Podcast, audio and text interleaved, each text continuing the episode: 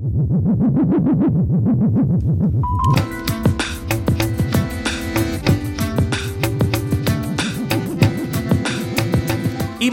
a Burgos. Ali está o Centro Nacional de Investigación sobre a Evolución Humana. María Martinón, moi boas noites. Boas noites, que tal? Moi ben, María Martinón é antropóloga dental, eh, pertence ao equipo de Atapuerca, Puerca e con ela temos falado moitas veces en efervesciencia. A última delas foi cando nos mandou no noso aniversario unha mensaxe que nos mandaches María fermosísima, además aí cos teus osos. Pues sí, bueno, es un mensaje muy cariñoso porque la verdad es que os lo merecíais. O sea que encantada de, de, estar con vosotros a pesar de la distancia, que entonces todavía estaba en Londres. Exactamente, porque feches un periplo de que estiveches eh, eh, en Londres traballando unha tempada e agora volviches e agora dirixes o, o centro no que traballas, o Centro Nacional de Investigación sobre Evolución Humana, e supoño que debe ser, eh, bueno, toda unha responsabilidade, pero tamén un aliciente profesional importantísimo. Pues efectivamente, es un reto, una responsabilidad, lo asumo pues con, muchísima humildad y, muchos nervios por la responsabilidad que supone, pero realmente es muy gratificante. Es un centro excepcional, eh, ya no solo con unas instalaciones un potencial excepcional, sino con un equipo humano de primera categoría y están saliendo adelante pues proyectos, eh, yo creo que preciosos, que, que nos ayudan a comprender mejor esos periodos más oscuros sobre nuestros orígenes, pues a arrojar un poquito más de luz. Y estoy encantada, encantada de, este regreso y de esta nueva etapa en mi vida profesional y personal. Chamamos a, a María Martinón porque queremos que nos faga bote un poquinho de luz eh, no panorama que temos eh, dos nosos primos que tiñamos no pasado. Porque o mesmo día que coñecíamos a existencia dese burato negro do que tantos falamos, desa fotografía, ese mesmo día tamén coñecimos unha noticia de alcance no mundo da antropoloxía. E foi que temos un novo primo, Homo luzonensis. Exactamente, ha sido una, una gran sorpresa. Yo siempre digo que, que, no, que recibir a un nuevo miembro en la familia, en la vida real, ¿no? Cuando un, un hijo, un hermano, pues eh, un sobrino siempre lo recibimos con, con expectación, con nervios, con alegría, con desconcierto, pues en este caso lo mismo. Hemos descubierto que tenemos eh, uno nuevo en la familia, una especie que se ha llamado Homo luzonensis, ese nombre viene por el nombre de la isla en el que se ha encontrado, que es en la isla de Luzón. Y, bueno, es una gran sorpresa porque es una especie que podemos decir que en términos geológicos es relativamente reciente, son solo unos 67.000 años de antigüedad, eso ya es el tiempo en el que nuestra propia especie Homo sapiens estaba por el planeta, pero bueno, tiene un aspecto muy peculiar, bastante diferente a nosotros y yo creo que es eso lo que nos desconcierta un poco. ¿Qué sabemos de este Homo luzonensis? ¿Cómo es? Pues mira, el Homo lo que se ha encontrado básicamente son sobre todo eh, dientes y luego huesos de las manos y los pies. Entonces lo que encontramos en este caso es una combinación que se considera única porque no se ha encontrado la combinación de caracteres igual en todo el registro fósil que está disponible hasta ahora. Cuando miramos los dientes encontramos unas características que nosotros decimos que son como bastante derivadas, avanzadas, parecidas incluso a nosotros. Si nos encontramos esos dientes de manera aislada, podríamos pensar que pertenecen a una de las especies ya más recientes del género Homo, pues podrían incluso en algunas características pertenecer, parecerse a las de Homo sapiens, incluso Homo neanderthalensis, salvo algunos rasgos primitivos que conservan que serían más típicos quizás de un Homo erectus. Entonces esa combinación de, de dices, bueno, pues puede ser un, Homo tardío, un Homo sapiens, un Homo neanderthalensis con alguna peculiaridad. Pero de donde viene sobre todo el, el gran impacto y la gran diferencia es que estos dientes van combinados con unas manos y con unos pies que presentan una serie de curvaturas y, y de forma que es la típica que encontraríamos en manos y pies de especies que todavía se desplazan por los árboles. Entonces esto es una grandísima sorpresa porque estamos viendo una especie humana que se encuentra ya en el periodo en el que estaba Homo sapiens y Homo neanderthalensis por el mundo, pero que presenta rasgos más típicos casi de nuestros ancestros como australopitecos, como Lucy, que todavía tenían adaptaciones para poder asirse y colgarse de las ramas. Y esto pues nos lo hemos encontrado ahí en esa isla. Además, lo que sabemos es que en esta pequeña isla de las Filipinas, estos homínidos que tienen esta combinación tan especial de caracteres, unos dientes de un aspecto relativamente moderno, salvo por algunos rasgos, pero unas manos y unos pies más típicos de aquellos que todavía se desplazan por las ramas, tiene un tamaño diminuto. Estaríamos hablando pues de una especie de tamaño muy pequeño, algo parecido a lo que ya nos sucedió cuando recibimos en la familia del género Homo a, otro nuevo pariente, que había sido en el caso de Homo floresiensis. No sé si recordaréis el que se le apodó como el Hobbit, que era también un, homínido muy pequeño de tamaño, que apenas eh, llegaba al metro de, altura y que se encontró también en una isla, en la isla de Java, en la isla de Flores. Así que nos estamos encontrando, pues eso, parientes de, de tamaño muy pequeñito con una serie de características pues bastante sorprendentes para su fecha tan reciente. Evolutivamente eh, es significativo que eh, tanto Home de Flores como este Home luzonensis teñan aparecido en illas, porque as illas serán efectos diferentes, a, por exemplo, ao continente. Sí, lo que estamos viendo, esto es muy interesante, es que las islas son como pues como laboratorios, iba a decir, donde la naturaleza hace sus experimentos. ¿Qué pasa? Pues que en las islas, todas las especies que llegan a una isla, de alguna manera están de repente adaptándose a vivir en un espacio en miniatura, un espacio en el que el número de recursos son limitados, porque hay menos, porque realmente no están conectados, porque no tienes a dónde ir a buscar más recursos. Entonces, es muy común que en las islas se dé un proceso que se conoce como enanismo insular, es decir, que aquellas especies, sobre todo las de tamaño mediano grande, reduzcan su tamaño por una cuestión de economía, es una cuestión de economía que en este ambiente más pequeño es mejor gastar menos, o sea, tener un tamaño más pequeño porque tendrías un, consumo de energía y de metabolismo más reducido, puesto que también los recursos que tienes en tu alrededor son menores. Entonces, esta reducción de tamaño se ve que es un proceso que está sucediendo, ha sucedido a animales, te encuentras, por ejemplo, en la isla de Flores, donde se encontró a Homo floresiensis, tenemos pues también los, los eh, elefantes enanos, o sea, sucede lo mismo, tenemos así como yo unas pequeñas miniaturas de estas criaturas y se ve que ha sucedido varias veces a lo largo de la evolución humana también con especies humanas. Sucedió con Homo floresienses y se ve que ha sucedido también con Homo luzonensis. Entonces lo que estaríamos viendo es que en un momento determinado, esa es la gran cuestión, cuando llegaron a estas islas los ancestros de Homo luzonensis y de Homo floresienses, llega una población que se queda aislada en, estas islas y, entre otras cosas, desarrolla un tamaño muy pequeño. Entonces es un poco una, una, una gran sorpresa, conocer cómo la biología también de los humanos se adapta a las circunstancias del ambiente eh, que le toca vivir. E, e quizás aquí tamén pasa algo eh, semellante cando foi o Me de Flores que hai algunhas voces tamén eh, no mundo investigador, non sei se mayoritarias ou minoritarias, que din que, bueno, que, que as mostras son tan poucas que di, home, non estaremos vendo precisamente eh, a unha persoa que teña algún tipo de doenza se non está distorsionando a imaxe, pero mm, ti como valoras eso? Pues mira, es un debate muy interesante y que además no está cerrado y estos nuevos datos nos arrojan más luz. Ha habido un debate durante mucho tiempo cuando se descubrió el Homo floresiensis que en mi opinión fue un debate demasiado polarizado. Un debate polarizado porque había gente que eran grandes defensores de la especie, que no, esto es una nueva especie, tenemos varios individuos con estas características peculiares, con pequeño tamaño, y, por lo tanto, pues es un individuos completamente normales, simplemente que pertenecen a un tipo de, especie que no conocíamos hasta ahora, y otra fracción de la comunidad científica decía que no, que aquello no era una especie nueva, que en realidad lo que estábamos viendo eran unos Homo sapiens con patologías, patologías porque eran poblaciones que están en las islas, que están aisladas, que tienen grandes niveles de endogamia, que no llegan a desarrollarse de manera normal, que es verdad que puede haber algo de enanismo insular que afecta al crecimiento general. Y ese debate se ha mantenido así un poco, yo diría que estático, o, que no ha habido esfuerzos porque ambos polos se encontrasen. Yo personalmente creo que, que, hay un poco de verdad en todos los casos. No creo que estemos viendo ni en el caso de Homo floresiensis ni en el caso de Homo luzonensis una versión patológica de un Homo sapiens, pero sí pienso, y es cierto que algunos de estos individuos sí presentan algunas patologías, algunas anomalías, algunas rarezas. Es posible, y, tampoco es tan de extrañar, que en realidad estemos viendo, pues sí, a un individuo, a un ancestro, un homínido más antiguo, quizá derivado de un Homo erectus que llegó a esas islas hace tiempo, o quizá algo más tardío, y que, sometido a esas condiciones tan particulares de aislamiento, con cientos de miles de años, con unos niveles de endogamia enormes, que se ven sometidos a un, proceso de enanismo insular, que en realidad es un proceso que está afectando tu crecimiento general, pues que te puedas encontrar algunas anomalías. Eso, en el fondo, pues no me parece tan extraño.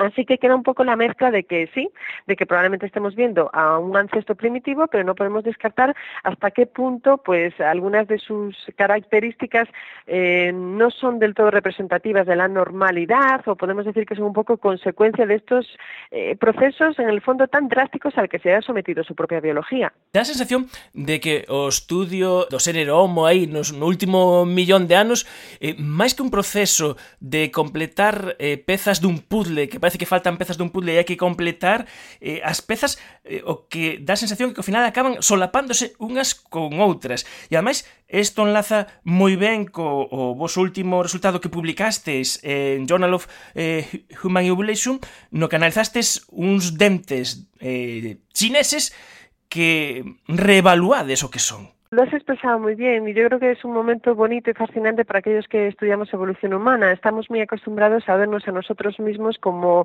los únicos herederos de este planeta y, nos hemos acostumbrado a que eso sea lo normal. Somos la única especie humana que, existe hoy en día, pero es que hasta hace un par de, decenas de miles de años, que eso ya te digo es un, es un anteayer geológico, era todo lo contrario. Eh, ahora sabemos que al mismo tiempo que Homo sapiens eh, había pues en, en, en, Asia al menos otros cinco linajes diferentes. Tenemos posiblemente a Homo neanderthalensis, tenemos quizás al Homo erectus, tenemos Homo floresiensis, tenemos Homo luzonensis y tenemos ahora una población enigmática de la que tenemos mucho ADN y muy pocos fósiles, que es la población de los denisovanos. Los denisovanos es un, grupo que se definió a partir del análisis eh, genético de una pequeña falange y un diente que se encontraron en una cueva en Denisova que tenía solo unos 40.000 años, o sea que eso también era contemporáneo de, del Homo sapiens. Y lo que encontraron los investigadores es que simplemente aquel ADN no encajaba ni, ni con el ADN de Homo sapiens ni con el ADN de los neandertales y que por lo tanto estábamos hablando de una tercera población desconocida que había coexistido con sapiens y con neandertales. Pero en el fondo nos hemos quedado ahí. ¿Por qué? Porque apenas tenemos fósiles de los, de los homínidos de Denisova y por lo tanto no sabemos cómo son, solo sabemos que hay algo más, es casi como un fantasma, ¿no? Sabemos que existen por su ADN, pero en realidad no somos capaces de ponerles cara porque o encontramos más fósiles en la cueva de Denisova, en Siberia, y, vemos cómo son y si se parecen a alguna otra cosa que conocemos, o tenemos que ser capaces de encontrar ADN en otros fósiles que ya hayamos encontrado en Asia para comprobar si son lo mismo o no. Entonces estamos así un poco en una época, yo creo que fascinante, que es ah, un poco a la búsqueda del denisovano.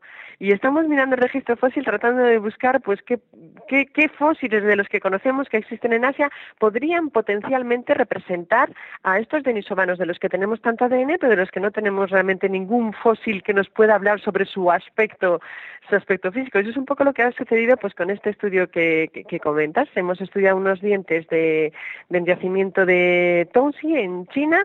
Eh, son unos yacimientos que tienen, pues eso, cerca de unos 200.000 años de, antigüedad. Y en ello encontramos que estos dientes tienen una serie de características que no encajan con las típicas del Homo erectus. El Homo erectus clásico que, que conocemos que ha habitado China durante pues cientos de miles de años, estos dientes no encajan y por lo tanto, en paralelo con los fósiles hemos encontrado otra población diferente. Entonces queda abierta ahí la incógnita de si e quizás que os dientes de Tonsi representan este tan buscado e ansiado denisovano porque agora tedes eh, novas tecnoloxías que vos permiten facer unha reevaluación dos fósiles que se atoparon. Entendo que, que nestes dentes de, de Tonsi eh, non tedes ADN para decir que, que é home de Denisova, pero que sí eh, podes reinterpretalos.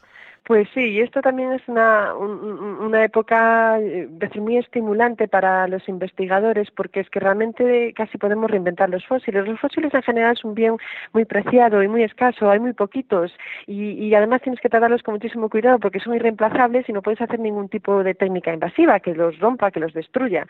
Ahora tenemos técnicas de imagen no invasivas como es el microCT, la microtomografía, que es algo así como un TAC de los de hospital, pero que nos permite hacer incluso cortes e imágenes del interior del objeto escaneado a una resolución incluso muchísimo mayor, como las micras, y, en este caso estamos estudiando los dientes y somos capaces de estudiar ya no solo su aspecto externo, sino que podemos reconstruir cómo es la forma y las características de los tejidos que están por debajo, por ejemplo, del esmalte, en la dentina.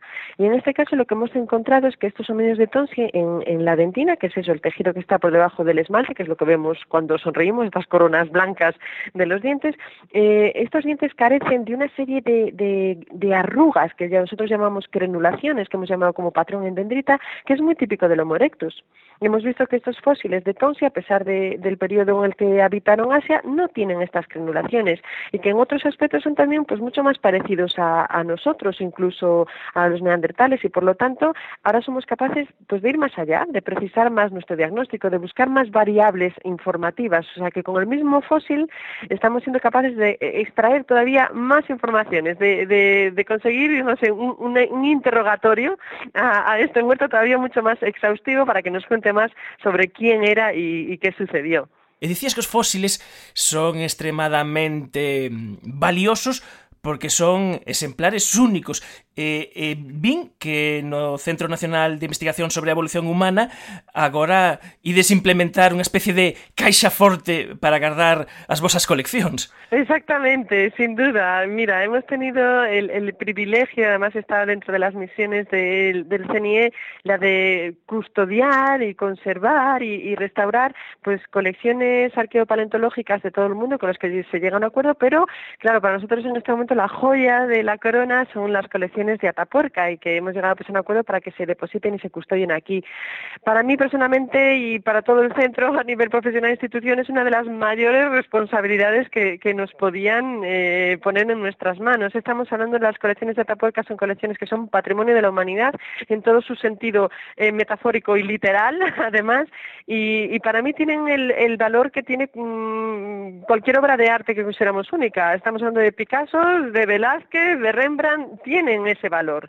O sea, no, no podemos arriesgarnos ni lo más mínimo, así que no solo los tendremos aquí cuidadas y restauradas, sino que vamos a, hacer una serie de obras para tener unas mm, cámaras acorazadas como verdaderas cajas fuertes para que, siempre lo digo con, cierta sorna, eh, los fósiles no sobrevivan. ¿Sabes? Si algo ha de pasar, eh, los únicos que tenemos garantía de que sobrevivirán a cualquier catástrofe serán ellos, que se quedarán casi como el primer día. E, eses fósiles de, de Atapuerca eh, que ademais siguen eh, serando preguntas porque o fío do, do que estamos falando eh, esta xa é unha investigación de uns poucos anos eh, están emparentados algúns cos de Denisova que parece que ese ADN é ubicu e ademais un ADN que se mistura un ADN que agora tamén se sabe que os, de, de, os homes de Denisova tamén eh, tiveron lances amorosos con nardentais.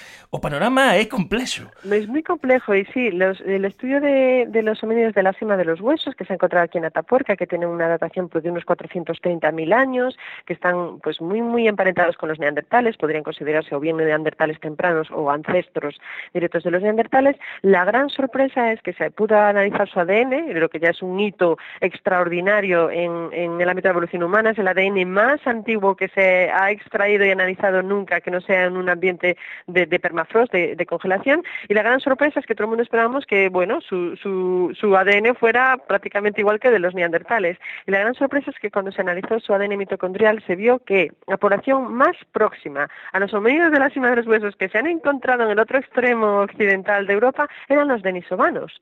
Una población de la que, como ya habíamos hablado, se conoce muy poquito, simplemente que es una población muy próxima a los neandertales genéticamente y que, bueno, que habitó Asia, eh, pues también un periodo a finales del Pleistoceno medio y, parte del Pleistoceno superior. Entonces, esta gran sorpresa lo que nos está hablando es de que, pues mira, probablemente ha habido conexiones entre el este y el oeste de Europa mucho más intensa, de, perdón, de Eurasia, de lo que se sabía, o sea que esta conexión dentro de Europa es mucho mayor, que, quizá con los denisomanos lo que tenemos, y yo lo dejo ahí, es una versión asiática de los neandertales, quién sabe, es una especie que hemos definido sobre todo a partir del estudio de, los fósiles europeos y quizá pues había un gran vacío en entender qué estaba sucediendo en Asia. Según vamos estudiando más el, registro fósil y también el ADN de las poblaciones de China, pues tenemos grandes sorpresas. ¿Por? Porque realmente no sabíamos nada. Yo creo que, que lo que estamos viendo es que es una gran revolución, que la, que la evolución humana es, como comentabas antes, un proceso mucho menos lineal, mucho más diverso y creo que es bonito incluso pensar que en nuestra idiosincrasia, en realidad, nuestras aunque ahora somos los únicos, somos realmente un crisol de muchas humanidades. Eh, coexistimos y tuvimos descendencia con otros grupos humanos que ahora ya no están, con los neandertales, con los denisovanos. Es posible que con alguna otra población todavía no identificada. Y, a mí me gusta y me, me parece importante recordar que eso, que en el comienzo, en el origen, nuestra especie, que ahora ha tenido tanto éxito, eh, fue realmente una mezcla de diversidad y que es esa diversidad la que probablemente nos aportó una ventaja importante importante para que luego tuviéramos el éxito sin precedentes que hemos tenido en nuestra conquista del planeta. Somos diversidade. A evolución humana é fascinante. eh, máis fascinante, ademais, como non la conta eh, María Martinón, que é a directora do Centro Nacional de Investigación sobre Evolución Humana e amiga de Efervescencia. Moitas grazas, María, por atender a nosa chamada. Gracias a vosotros. Un abrazo. à da poincade.